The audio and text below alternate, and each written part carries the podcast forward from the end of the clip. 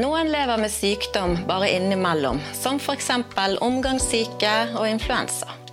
Andre bærer på en kronisk sykdom, og flere får hverdagen snudd opp ned pga. alvorlige diagnoser.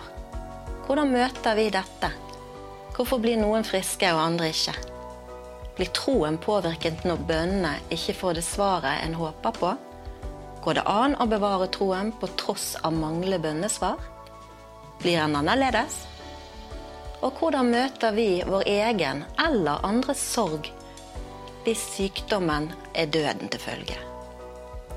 I kveld skal vi få møte noen av de som har blitt rammet hardt på ulike måter av sykdom. Bli med oss i samtalen.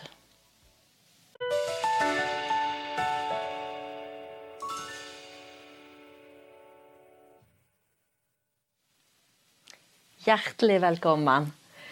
Sammen med meg nå så skal du få lov til å bli kjent med tre gode medmennesker.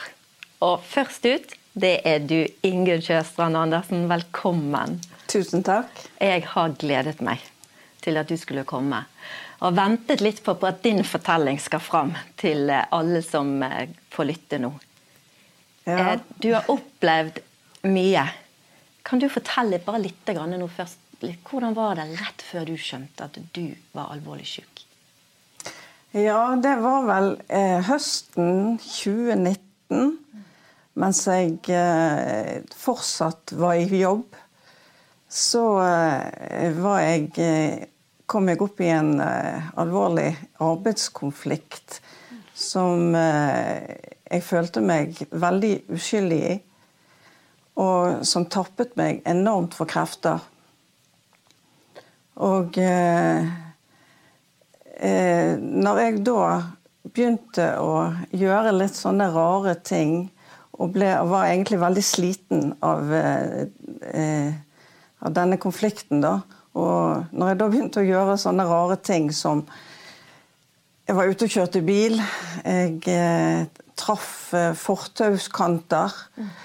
Jeg eh, liker jo å spille piano. Jeg klarte ikke å spille en eneste melodi skikkelig. Jeg følte at eh, noe var i veien med pianoet mitt. For jeg, jeg klarte ikke å se at det var noe som var feil med meg. Jeg, jeg hengte alt på den knaggen at det var eh, arbeidssituasjonen som gjorde at det ble sånn. Eh, men eh, så, etter en stund, da det nærmet seg jul, da, og det ble juleferie, så eh, åte på seg dette her, da. Sånn at eh, Og søsteren min hun kom hjem og så eh, på ferie, da. Og vi kunne sitte og eh, ha en samtale, og jeg klarte faktisk ikke å, å si en hel setning. Jeg eh, kom halvveis i setningen. Og så, klart, så stoppet det opp. Jeg husket ikke hva det var vi snakket om. Mm. Og eh, hun som er sykepleier, da, hun eh, skjønte at her er det noe som ikke helt stemmer. Ja. ja. Sånn at, eh, Og jeg klarte ikke å smøre på en, en skive. Jeg mistet eh, kniven som jeg holdt i hånden. Den datt i mm. gulvet. Mm. Og så spurte hun meg hva er det som skjer. Nei, sier jeg, det, det, det går over, dette her, liksom. Det, det er ikke noe. Men uh, når jeg da For hun ville ringe til legen. Ja. ja. Det var naturlig. Ja. dette var mye. Men, uh, men uh, det sa jeg, det er ikke nødvendig, for dette går over. Ja. Men så Når jeg da besvimte, så tok hun skeien i sin egen hånd mm. og, og, ringte etter sykebil, selvfølgelig. Og jeg eh, ble innlagt på Haukeland. Mm. Og eh, der òg prøvde jeg å, å, overbevise legen om at eh, det er ingenting som feiler meg. Mm. Jeg har bare møtt veggen på jobben, for jeg har hatt det så forferdelig tøft der. Men han hørte nå ikke helt på meg, da. For heldigvis, når, det, når, eh, eh, Når man har besvimt, og det ikke er noen sånn spesiell grunn til at jeg har besvimt, mm. så har de prosedyrer på at da skal du ta MR. Og så skal du eh, ja, ta, ta CT, da. For å se om det er noe galt oppi hodet. Og det gjorde de. Og uh, der fant de jo faktisk uh, fire svulster. Mm. Akkurat. Ja, og det var jo eh, et sjokk å høre det, da. Ja. Eh, og når de hadde funnet de eh, så ble det jo naturlig at de da tok sete av resten av kroppen min for å se om det var noe som var kommet der òg, da. Og det, der òg fant de jo svulster. Mm. De fant en stor svulst på 9,5 cm i lungen. Og de fant en eh, nesten like stor på leveren. Akkurat. Så eh, jeg fikk jo ganske tidlig eh, vite at dette var kreft. Mm -hmm. Men eh, de kunne ikke si akkurat hvilken type kreft det var. Mm. Eh, og eh, det at eh, disse svulstene oppi hodet var blitt så stor at jeg begynte å miste førlighet i, i armer og bein, så måtte jeg eh, opereres i hodet før de tok noen videre undersøkelser for å finne ut hva type kreft det var. Ja. Og det var jo en, en stor operasjon. Men, men eh, eh, eh, før jeg liksom ble operert, da, så eh, Så var det veldig viktig for meg å, å si til sønnen min at dette, dette skal gå bra. Mm. Dette skal jeg klare å komme meg igjennom. For jeg hadde ikke så lyst til at han skulle oppleve at, uh, at jeg hadde gitt opp. Mm. For jeg ga ikke opp. Og den operasjonen, da, den eh, fikk jeg beskjed om at det var 50% sjanse for at jeg ikke ville kunne snakke. Akkurat. Og ikke ville kunne eh, gå. Mm -hmm. Så det var jo veldig spennende, da. Mm. Og, eh, men oppi det hele så var jeg, så var jeg ikke redd. For søsteren min hun, hadde, hun er jo veldig bønnemenneske. Mm. Hadde sendt rundt eh, beskjed til folk, ringt til folk og sagt nå må, nå må dere være med og be for Ingunn, for hun eh, er alvorlig syk. Mm. Og det ble virkelig gjort. Og derfor så kjente jeg inni hjertet mitt at her Jeg har fullstendig fred. Mm. Ja. Så jeg, jeg, har bare lyst til å lese et eh, vers jeg fikk ut av en venninne av meg, da, fra Salme 91. Mm -hmm. Og der, eh, der, står det i eh, vers 7 Som en fugl beskytter ungene sine, slik skal han dekke deg med sine fjær. Under hans vinger skal du finne trygghet. Hans trofasthet skal beskytte deg og verne deg. Og det er der jeg føler jeg har vært. Ja. Og eh, da når jeg ble operert i, i, hodet, for å gå tilbake til det, da, så eh, hadde legen sagt at dette var en operasjon som ville ta mellom to og en halv og fire timer. Mm. Eh, og etter to og en halv time så var han ferdig. Og eh, jeg, eh, når jeg da våknet opp etter narkosen, så satt legen ved sengekanten min og han var nok veldig spent. Mm. Og når jeg våknet opp da, så, eh, så, så kjente jo jeg han igjen med en gang. Oh. og så sier jeg til han Å, hei, sier jeg. Er det du som sitter her? ja, da holdt han på å ramle av stolen, sikkert.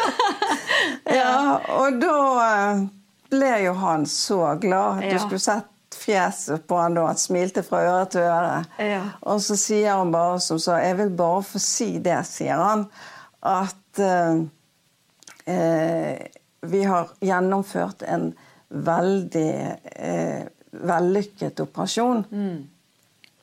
Ja. Så det Han var jo skyndte seg jo da ut og eh, ringte til søsteren min Ja. og fortalte dette her. Ja. Og så hadde han løpt opp avdelingen der som har jobbet, da, og sagt at hør her, jeg har her, eh, jeg har virkelig fått en, en flott uh, opplevelse i dag. Ja. Ja. Det er fantastisk. ja, det var det. Og Ja. Ingunn, vi må, det er jo sånn at eh, når vi hører om sykdom, så har vi veldig mange tanker. Mm. Og du hadde masse tanker på forhånd. Jeg vet at du kanskje kunne reagere med frykt på hvis det var noe. Sant? Og så forteller du nå at du var ikke redd Mm. Nei. gjennom dette. Nei. Men du, vi, må, vi må ta og eh, høre Vi skal høre mye mer av deg. For det er så interessant, for du har opplevd så mye. Ja. Men vi skal ta ut på gaten en liten stund og så høre hva fem stykker i, fra folket sier òg om dette med sykdom. Så da går vi ut på gaten.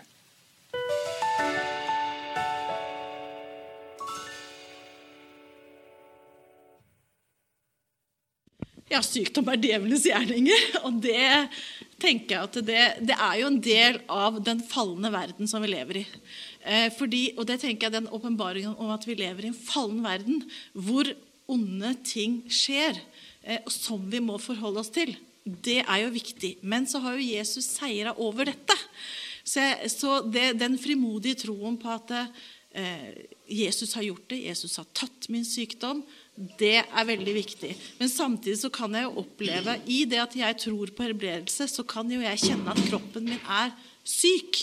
Og jeg må jo på en måte forholde meg til det, samtidig som jeg strekker meg til sannheten i Guds ord. Ja, altså vi er ikke lova noen av oss å gå igjennom livet uten sykdom. Men vi har lova at han skal være med oss. Og jeg personlig har jo opplevd det, og jeg har ligget nede, og legene sa til meg en gang at det kan gå begge veier. Men Herren kom og reiste meg opp, og da jeg reiste ut fra sykehuset, så sa legen til meg det at eh, du er 110% frisk sånn. Da hadde jeg vært igjennom alle tromler som var. Og det er ikke noe med deg sånn, så du er frisk. Så jeg er helt oppreist. Som de fleste andre så har jeg vel kanskje et litt for nært forhold til det. Av og til så Av og til så har han sett Guds helbredende makt, og av og til så står en bare der og lurer på hva det er som skjer. Og så blir, I møte med sykdom så er det evige håpet så utrolig viktig for meg. Fordi at en gang så skal det ikke være død, sorg, pine.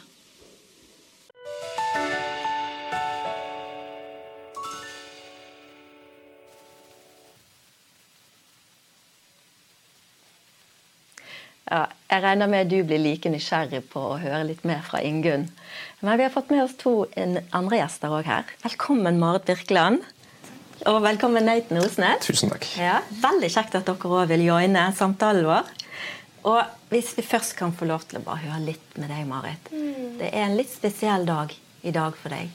Det er akkurat et år siden mammaen din døde av kreft. Ja. Og et og et halvt år siden pappaen din døde.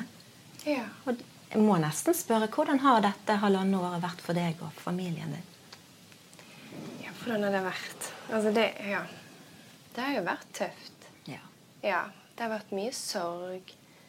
Mange praktiske ting og masse forskjellige ja, ting vi måtte gjøre og ordne og føle på. Og samtidig skulle ha vår hverdag med barna hjemme, og livet skal gå videre som vanlig, på en måte. Ja.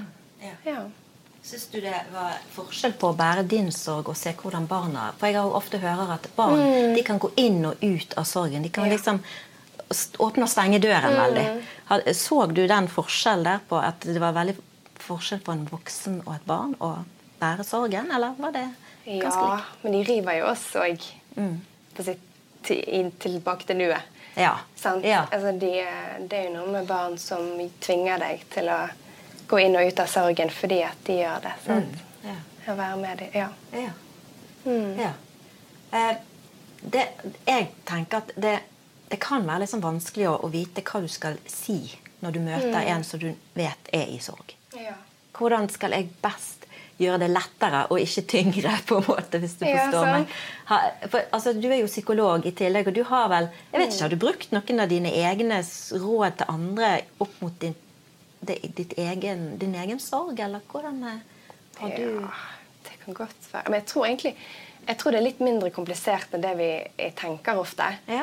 eh, vi skal liksom ha så kloke ting å si, eller skal gjøre noe spesielt, men så er det jo egentlig bare så kjipt. Eller så leit, trist å høre om din mor, eller så trist å Ja. høre om din far. Eh, så trenger man liksom ikke si så mye mer, tror jeg. Nei.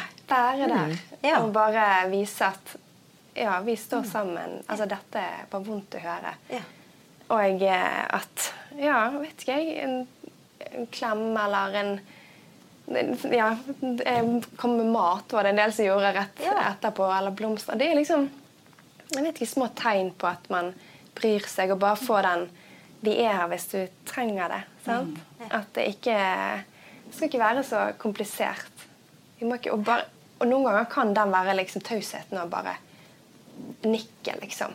Jeg vet. Ja. Ja. Det trenger ikke å være mer. Men jeg bestemte meg fra ganske ung alder, fordi at jeg har jo eh, Min far har vært syk hele mitt liv.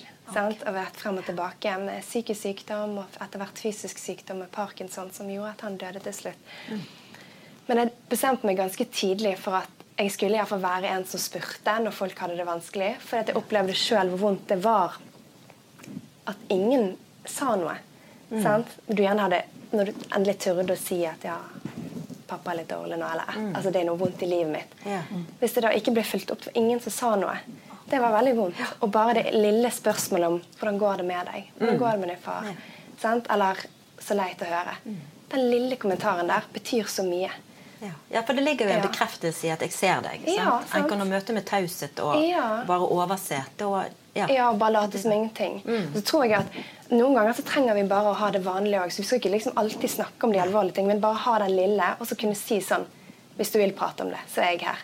Hvis du har lyst til å bare eh, At vi skal kose oss og ha det kjekt nå, så er det greit. Så gjør jeg det òg. At man hører med den som faktisk er i sorg, da. Hva de ønsker. Sant? For det er litt forskjellig. Ja. Noen, har, noen ganger har vi behov for bare liksom le litt og være, ha det litt vanlig. Sikkert når du var syk òg. At, liksom, at det skal være alvorlig hele tiden det er jo litt tungt òg. Alltid skulle snakke om at jeg er syk, og ikke bare ha liksom, vanlig hverdag og ha det kjekt. Ja. Ja. Og jeg er jo egentlig en person som er utstyrt med masse godt humør Ja. og masse humor, så jeg har brukt det litt Ja. ja, oppi det. Og Og det det, har hjulpet meg Ja, veldig. sant. Jeg har det. Mm. Ja. Så eh, Ja. Men at det er rom for begge deler. Mm. Ja. Og jeg husker sånn Rett etter de døde så syns jeg det var litt rart eh, å skulle være en setting der alle bare lo og snakket om vanlige ting. Sånn Mm. rett, eller rett etter du har fått en alvorlig beskjed. Så kan det være litt sånn sårt. Men så lenge folk har spurt, eller liksom så er det jo absolutt greit. Og man kan ikke forlange av folk at de skal være i stor sorg fordi om du er det. Nei. Mm. Ja. Neiten, deg kjenner jo mange eh, fra tidligere. Du har vært på TV-skjermen noen ganger, men så har jo du et ganske aktivt eh, yrkesliv får vi si, som misjonær. Både og i Norge òg har du et arbeid. Um, du sitter jo ikke her av bare en tilfeldighet. Du òg har jo eh, møtt på sykdom en del. Eh, og så er det veldig mange som henvender seg til deg og vil ha forbønn for sykdom. Har du noen opplevelser av hvordan det har gått? Ja, det er jo hele tiden folk som kommer med behov, som kommer med sykdom, både fysisk og psykisk. Sant? Med mennesker som lider uh, i utland og innland. Og det er det mye av. Veldig mye. Uh, og vi har fått lov til å se i mange tilfeller at Jesus har møtt opp og gjort det som han gjorde gjennom evangelia og i apostlenes gjerninger, der han har kommet med legedom og helbreda mennesker, satt mennesker fri. Eh, Vi hadde en, en gutt på Filippinene som var sønnen til en sykehusdirektør. der Mora var psykologspesialist. Han var syk fysisk og psykisk. Og alle hadde gitt opp. Ingen behandling funka. Eh, Så ber vi for han. Og så blir han mirakuløst helbreda momentant. Eh, og Da får vi innpass til å gå inn på sykehus og be for alle pasienter. da faren var sykehusdirektør. Så det er klart Vi har, vi har fått lov til å se en del tilfeller der ute der Jesus virkelig har møtt opp med kraft og med legedom og helbredelse. Eh, noen ganger momentant, noen ganger da det tar tid. Eh, så vel som her i Norge. Eh, opplever vi det Når jeg får lov til å reise rundt og forkynne evangeliet, så ser vi folk i alle aldre som opplever legedom. Og kanskje spesielt mange unge mennesker som er ufrelste og som ikke følger Jesus, som får lov til å oppleve at han griper tak i dem. Så vi har sett folk selv her i Bergen som har kasta krykken og løper rundt og fått lov til å oppleve en del sånne veldig spesielle mirakel. Og det er jeg veldig takknemlig for. Mm. Og så er det jo sikkert ikke så veldig mange kanskje som vet at eh, når du ber for syke, så har du òg bønner sjøl som du ber for din egen helse. Mm. Kan du fortelle litt om hvordan det er å være neiten? Ja, jeg har slitt uh, mye med helse i hele livet. Og jeg går med smerte i kroppen 24 timer i døgnet.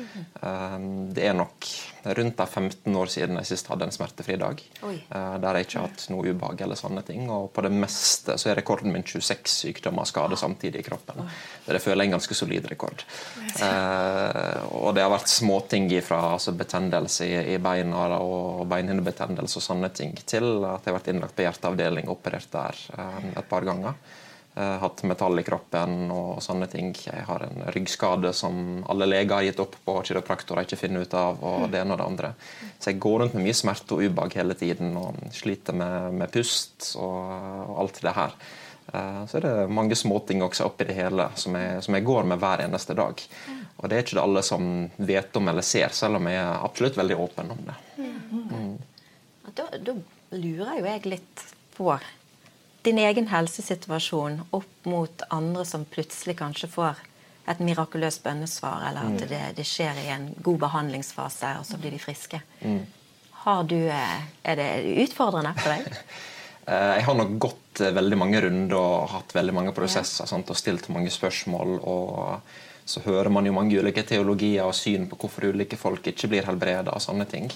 Uh, og jeg har prøvd sikkert alle verktøy som finnes, og lest uh, nok bøker om helbredelse. Mm.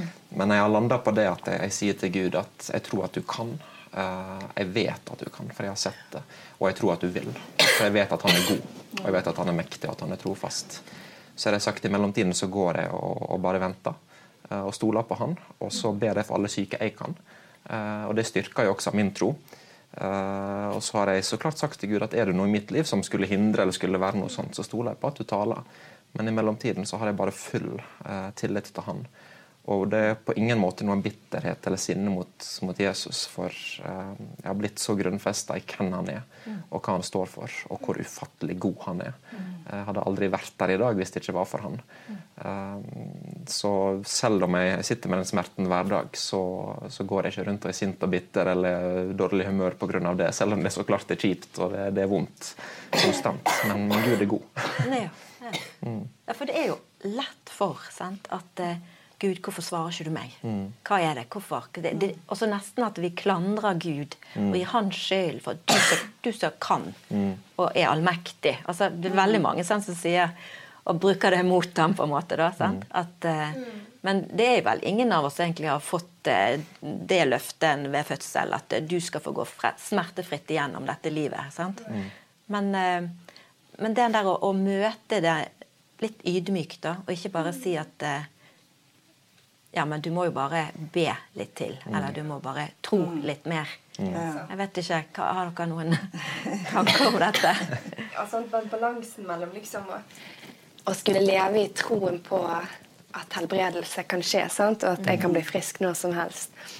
Uh, og samtidig med at det kan være at det ikke skjer. Mm. Sant?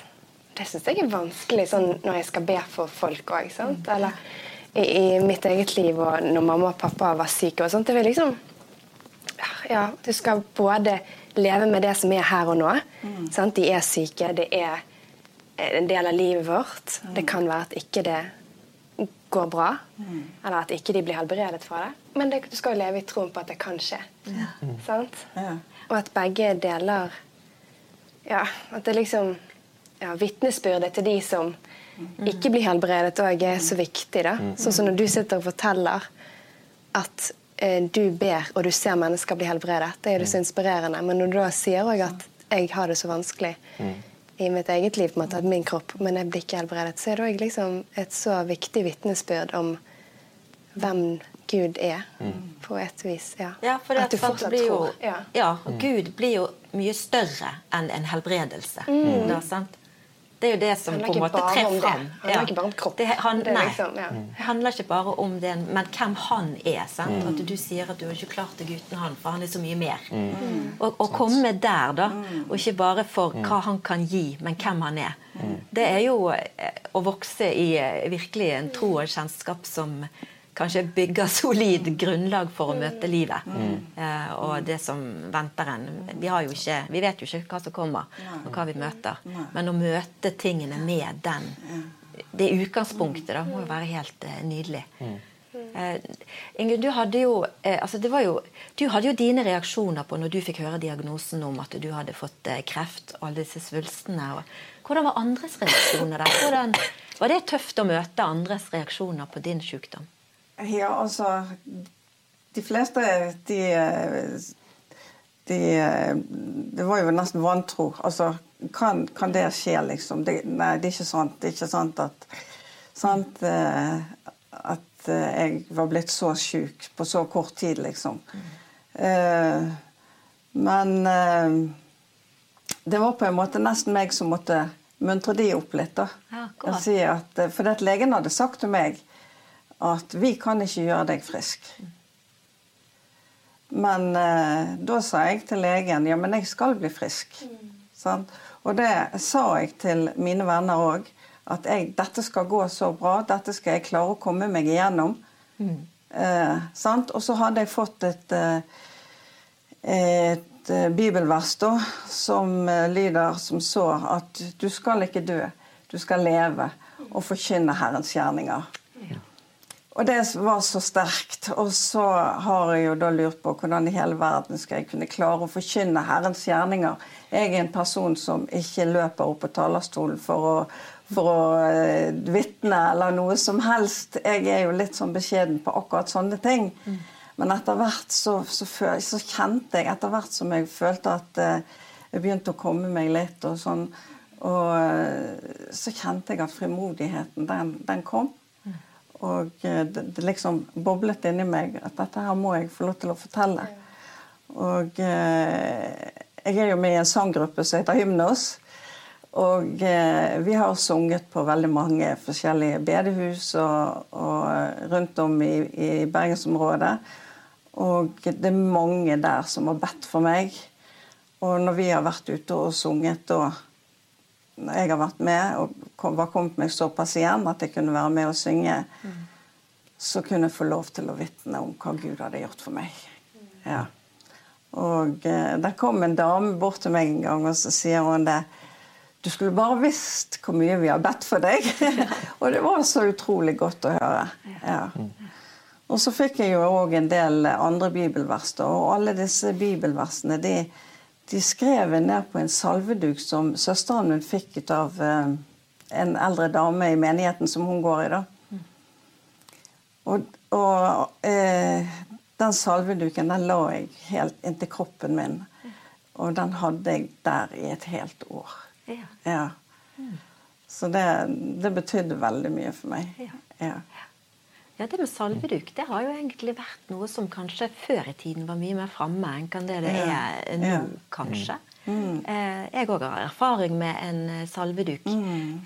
der eh, det var en liten bønnegruppe som skulle be over at eh, det skulle gå vel for et menneske som jeg skulle til. Og, eh, Ja. og så la vi han på et sår som ikke ville gro. Eh, og som virkelig hadde Det var litt sånn håpløst. Det, Ja. det var bet- bet- betennelse i det. Og den salveduken var, Vi la bare på. Og så en veldig enkel bønn. For det er ikke så mye som skal til. Nei. Men dagen etter begynte det å gro. Og legen som undersøkte såret når hun kom tilbake igjen, trodde, hun lurte på hva har skjedd. Hva er dette for noe? Og det er bare en sånn enkel handling. Sant? Jeg tror på at det, det er ikke vi, men det er Gud som gjør. Ja. Og han har gitt oss noen redskap, og det syns jeg er litt sånn deilig. Bare, ja, men jeg legger den kluten på der, og så fikser du det, sant? Ja, ja. Ja, Ehm, sånn. ja. Nå tar vi en bitte liten reklamepause, og så er vi sammen igjen. Ser du på Live med venner? Det burde du. Da får du servert en time med god stemning og interessante temaer om samfunns- og menighetsliv. Og ikke minst trosstyrkede refleksjoner fra Bibelen. Det hører også med. Du er så velkommen til å henge med oss på tirsdager klokken ti. Live med venner sendes på Facebook, på Kanal 10 og på Bedehuskanalen. Da ses vi på tirsdagene.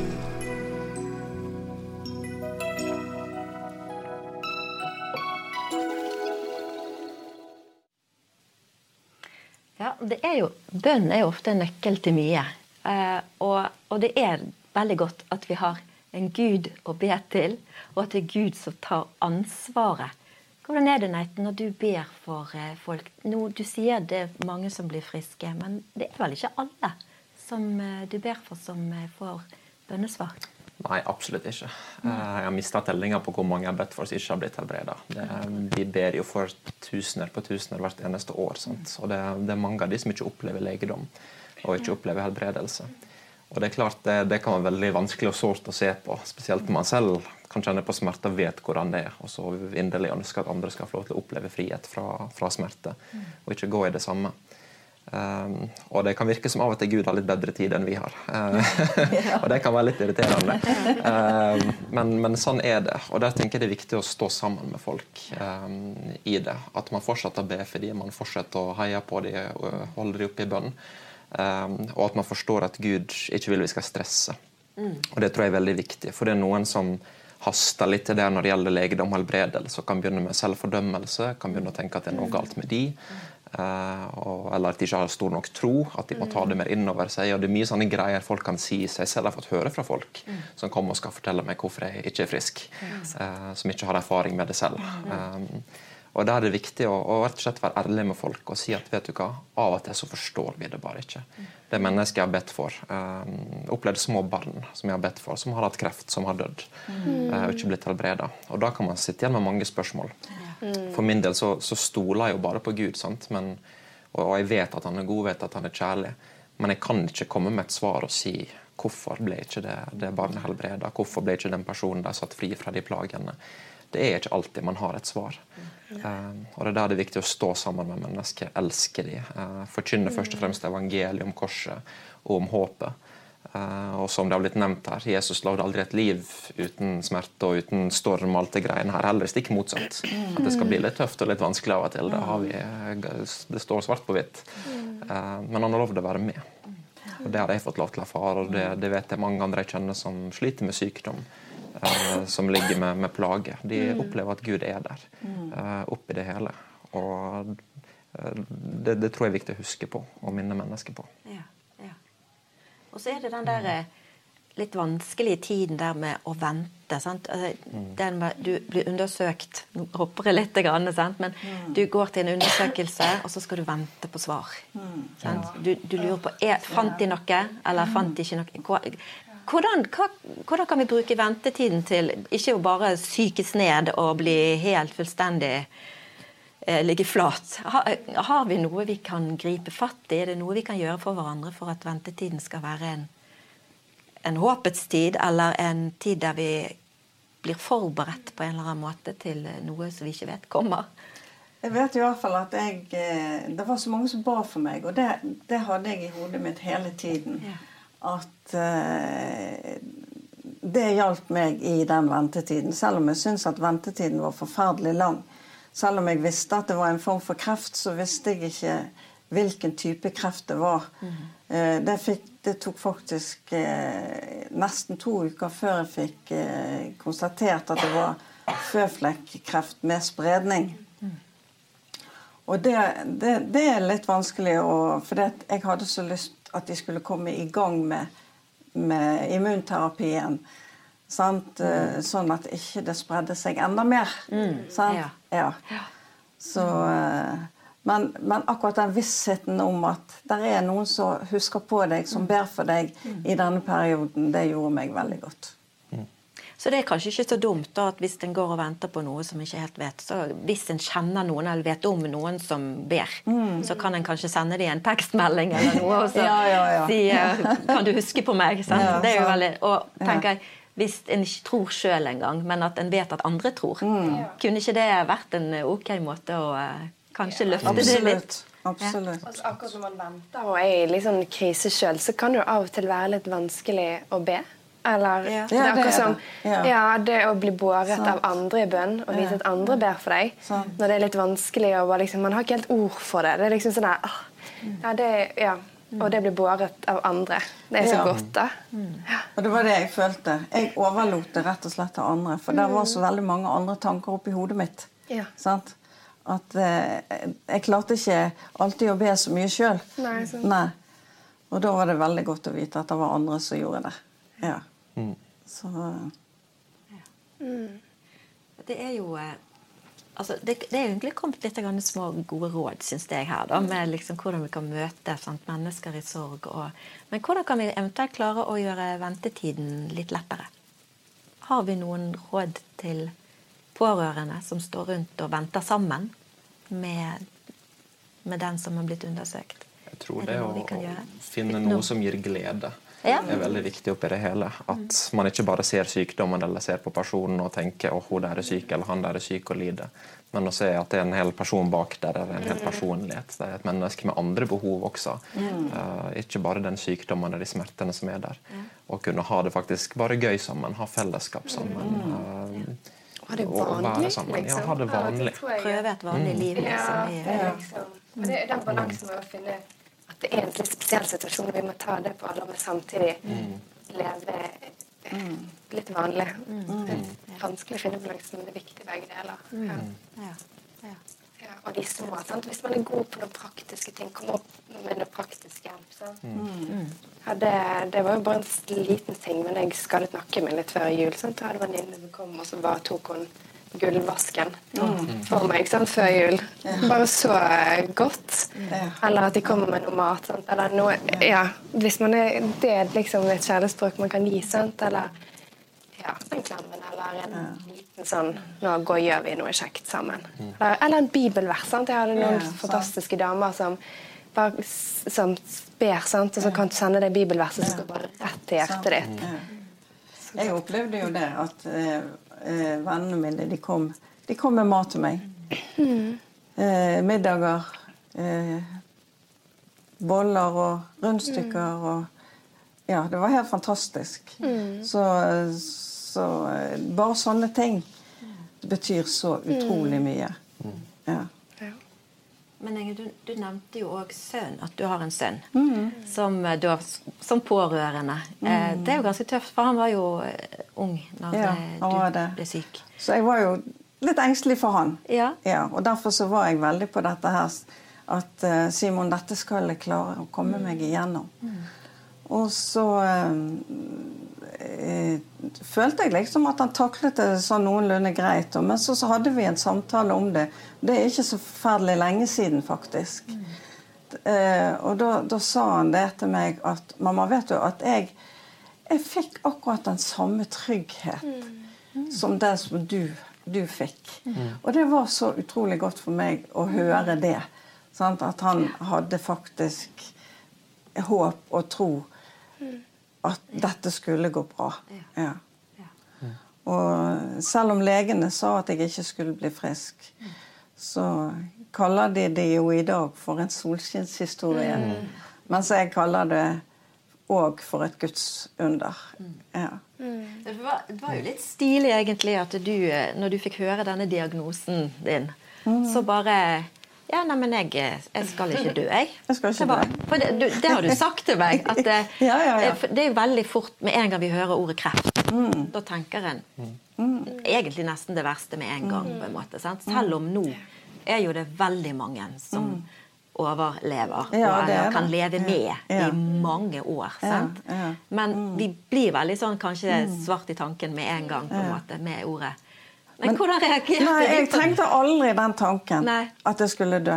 Nei. Og det var egentlig ganske forunderlig. Sant? Fordi at eh, mot alle odds Altså, diagnosen tilsa jo at eh, jeg absolutt kunne dø. Men eh, jeg var ikke der i det hele tatt. Jeg skulle fortsette å synge i hymnos. Det var jeg veldig klar på. og jeg skulle absolutt leve. Ja. Jeg hadde en sønn som hadde bruk for meg. Ja. Ja. Så det Og legene så jo litt rart på meg, for jeg sa det jo til dem. Ja. Sant? De så jo litt rart på meg, og noen smilte litt sånn Ja, ja. ja sant? De så på bildene dine òg. Mens, noen igjen sier det Ja, men så flott at du har noe å tro på. Mm. Ja. Mm. Det kan hjelpe deg. Sant? Ja. Og så måtte jo du gjennom en kraftig kost i behandlingsprogrammet ditt. Ja. Kan ikke du si bitte litt om det? Det var jo eh, immunterapi da jeg gikk på. Og eh, jeg må jo si det at leger er fantastisk dyktige folk. Eh, de har jo hjulpet meg veldig.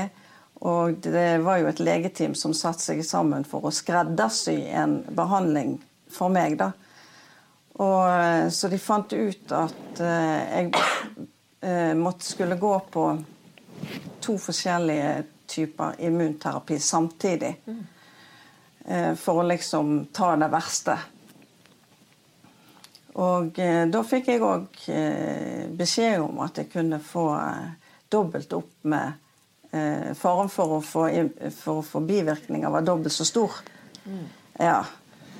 Så jeg gikk jo der og ventet på disse, disse bivirkningene da, som nesten uteble.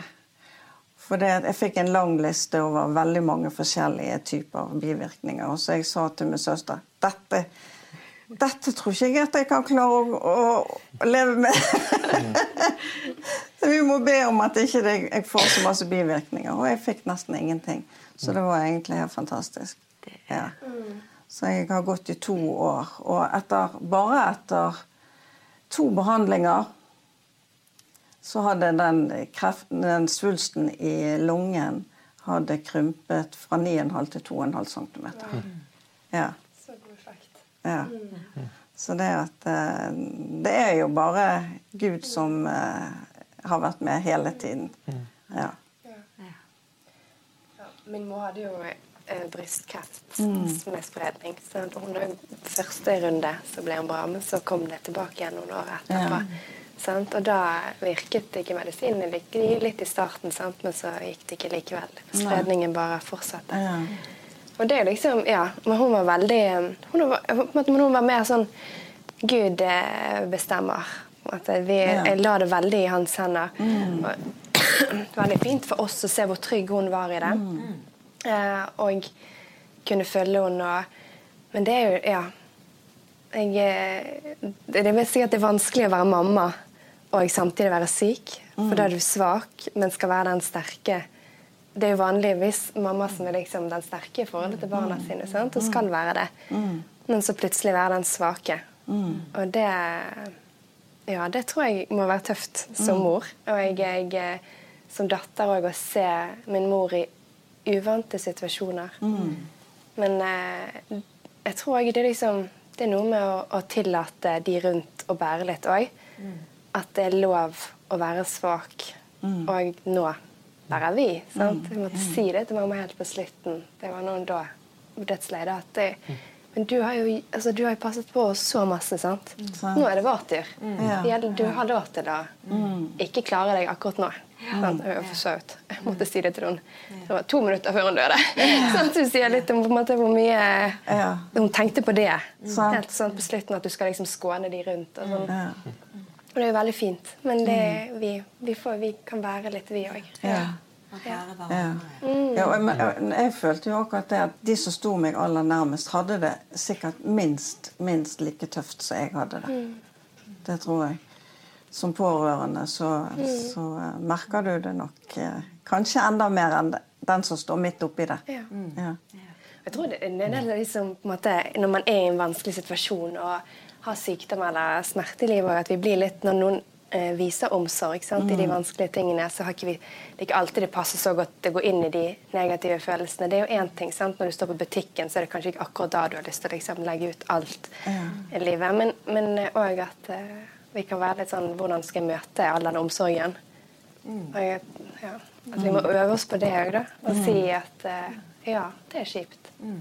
Det, det er vondt. Og at verken du skal komme med noe For jo, du kan ikke komme med de der Eller det er iallfall vi har så lyst til å komme med noe, noe klokt å si til dem når du er i smerte. sant? Men det er jo ikke så mye. Du kan jo ikke si altså, å Gud har en plan med dette. Det er jo, altså, vi vet ikke helt. Vi kan ikke, vi skjønner ikke hele bildet av hva Det er ondskap i verden, det er sykdom i verden, det er smerte i verden. og Vi vet ikke, vi, vi har ikke ennå Guds blikk på, på livet, liksom. På verden. Vi får det kanskje en gang, men ennå så vet vi ikke helheten. Så vi trenger ikke å si noe klokt da, kanskje, mer enn ja, verken svare noe klokt. Ja, eller si det. Og så kan jo sang være en del både å kanskje dempe ventetiden litt, grann, og kanskje når ikke vi har noen ord og uttrykk heller. Og Inge, du har jo nevnt Hymnos. Jeg har jo utfordret dere til å synge en sang for oss i kveld. Ja. Ja. Ja. Uh, og nå før andakten som vi skal ha med Per Arne Gjerde, så har jeg veldig lyst til at du forteller litt grann om hva sang du har valgt, og hvorfor du valgte den. Jeg har valgt en sang som heter 'Total Praise'. Ja. Ja, Det er en sang som er tatt direkte ut fra Salme 21. Hvor det står at 'jeg løfter mine øyne opp til fjellene', og så vet jeg at min hjelp kommer ifra deg, Gud. Og midt i stormen så kjenner jeg din fred. Og så, og for det er der jeg føler at jeg har vært, i Guds fred. Og så slutter han med et stort amen. Ja. ja, Den gleder vi oss veldig til å høre.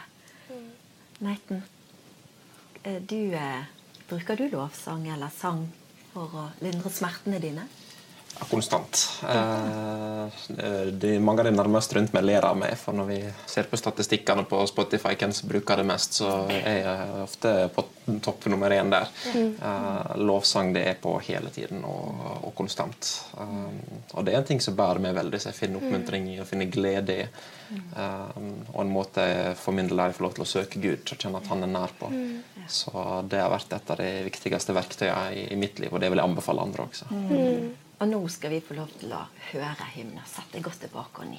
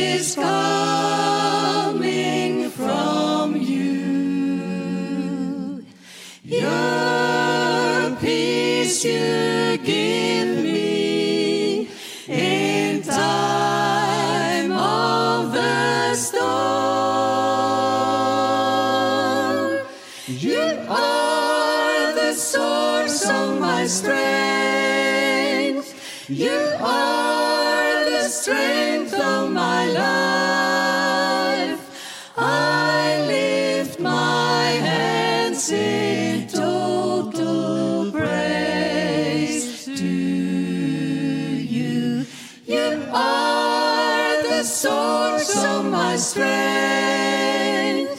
You are the strength of my life.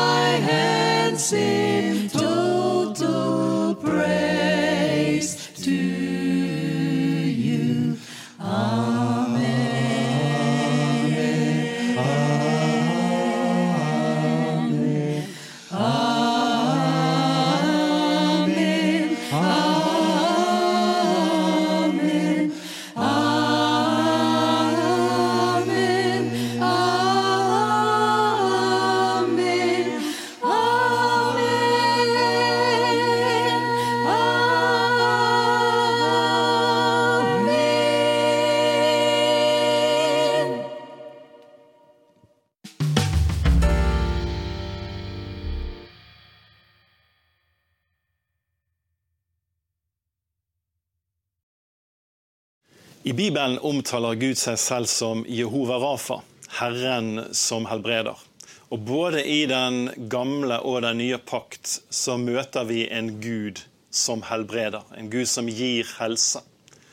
Gud taler i 5. Mosebok 7 vers 15 til sitt folk, israelsfolket, og sier at dersom dere vandrer på mine veier, så skal jeg holde sykdom borte fra dere. David, når han skriver i Salme 103, sier han tilgir all din skyld og leger all din sykdom. Når vi kommer til den nye pakt og vi ser Jesu liv og hans tjeneste, så ser vi det at helbredelse var en veldig stor del av det. Faktisk så eh, helbredet Jesus alle som kom til ham, og vi finner ikke et eneste eksempel på at noen måtte gå bort fra Jesus med uforrettet sak når de kom og ba om helbredelse. Og Jesus utfordrer òg oss som følger han til å legge hendene på de syke og helbrede de, til å be troens bønn for den syke. Så at det er Guds vilje med legedom og helbredelse, det blir veldig tydelig. Og likevel så er det jo sånn at vi i mange tilfeller ikke ser at den helbredelsen skjer.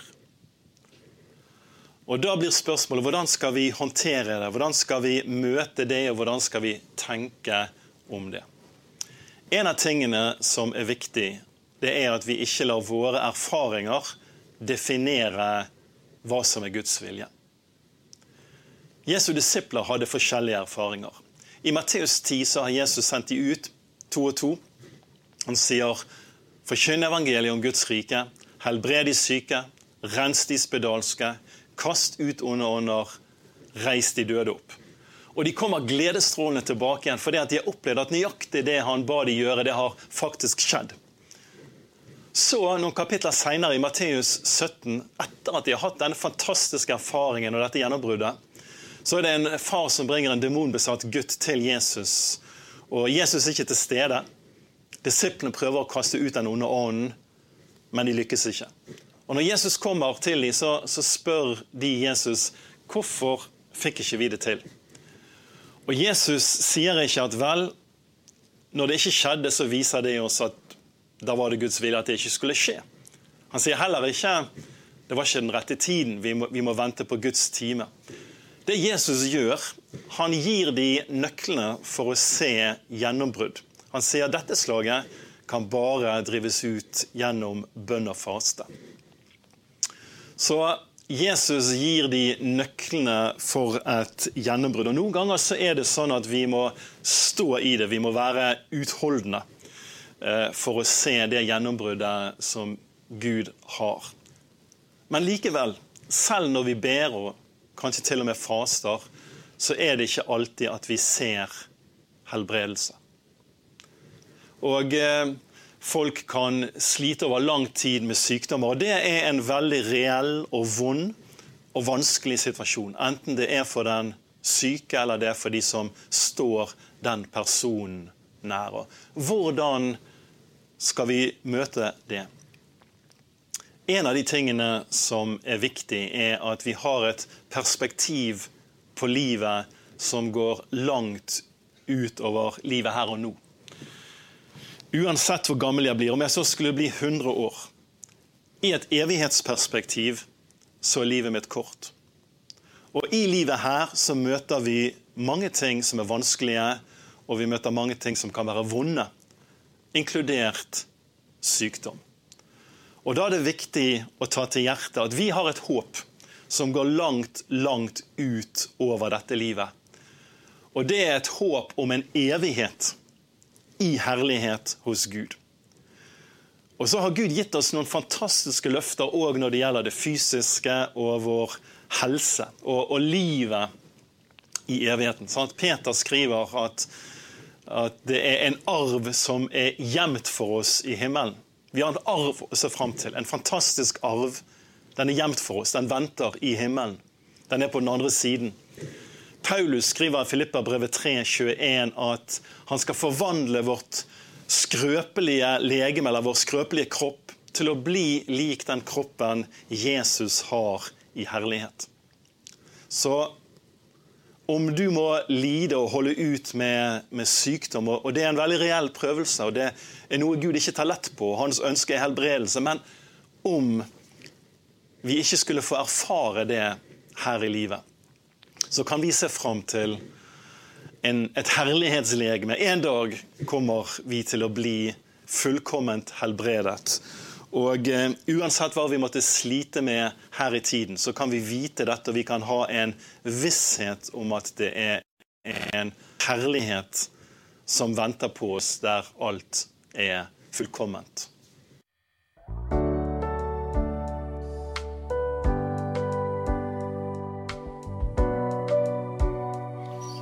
Tusen takk, Per Arne Gjerde, for en flott andakt. Tusen takk, Hymnas, for at dere sang nydelig. Og hjertelig takk, Ingunn, Neiten og Marit, som har latt oss få slippes innpå for å høre og få del i både tro og sårbarhet i forhold til hvordan sykdom kan ramme. Vi har ingen løfter om å få et knirkefritt liv her på jorden. Det løftet ligger for evigheten. Men Gud har lovet å være med gjennom alt.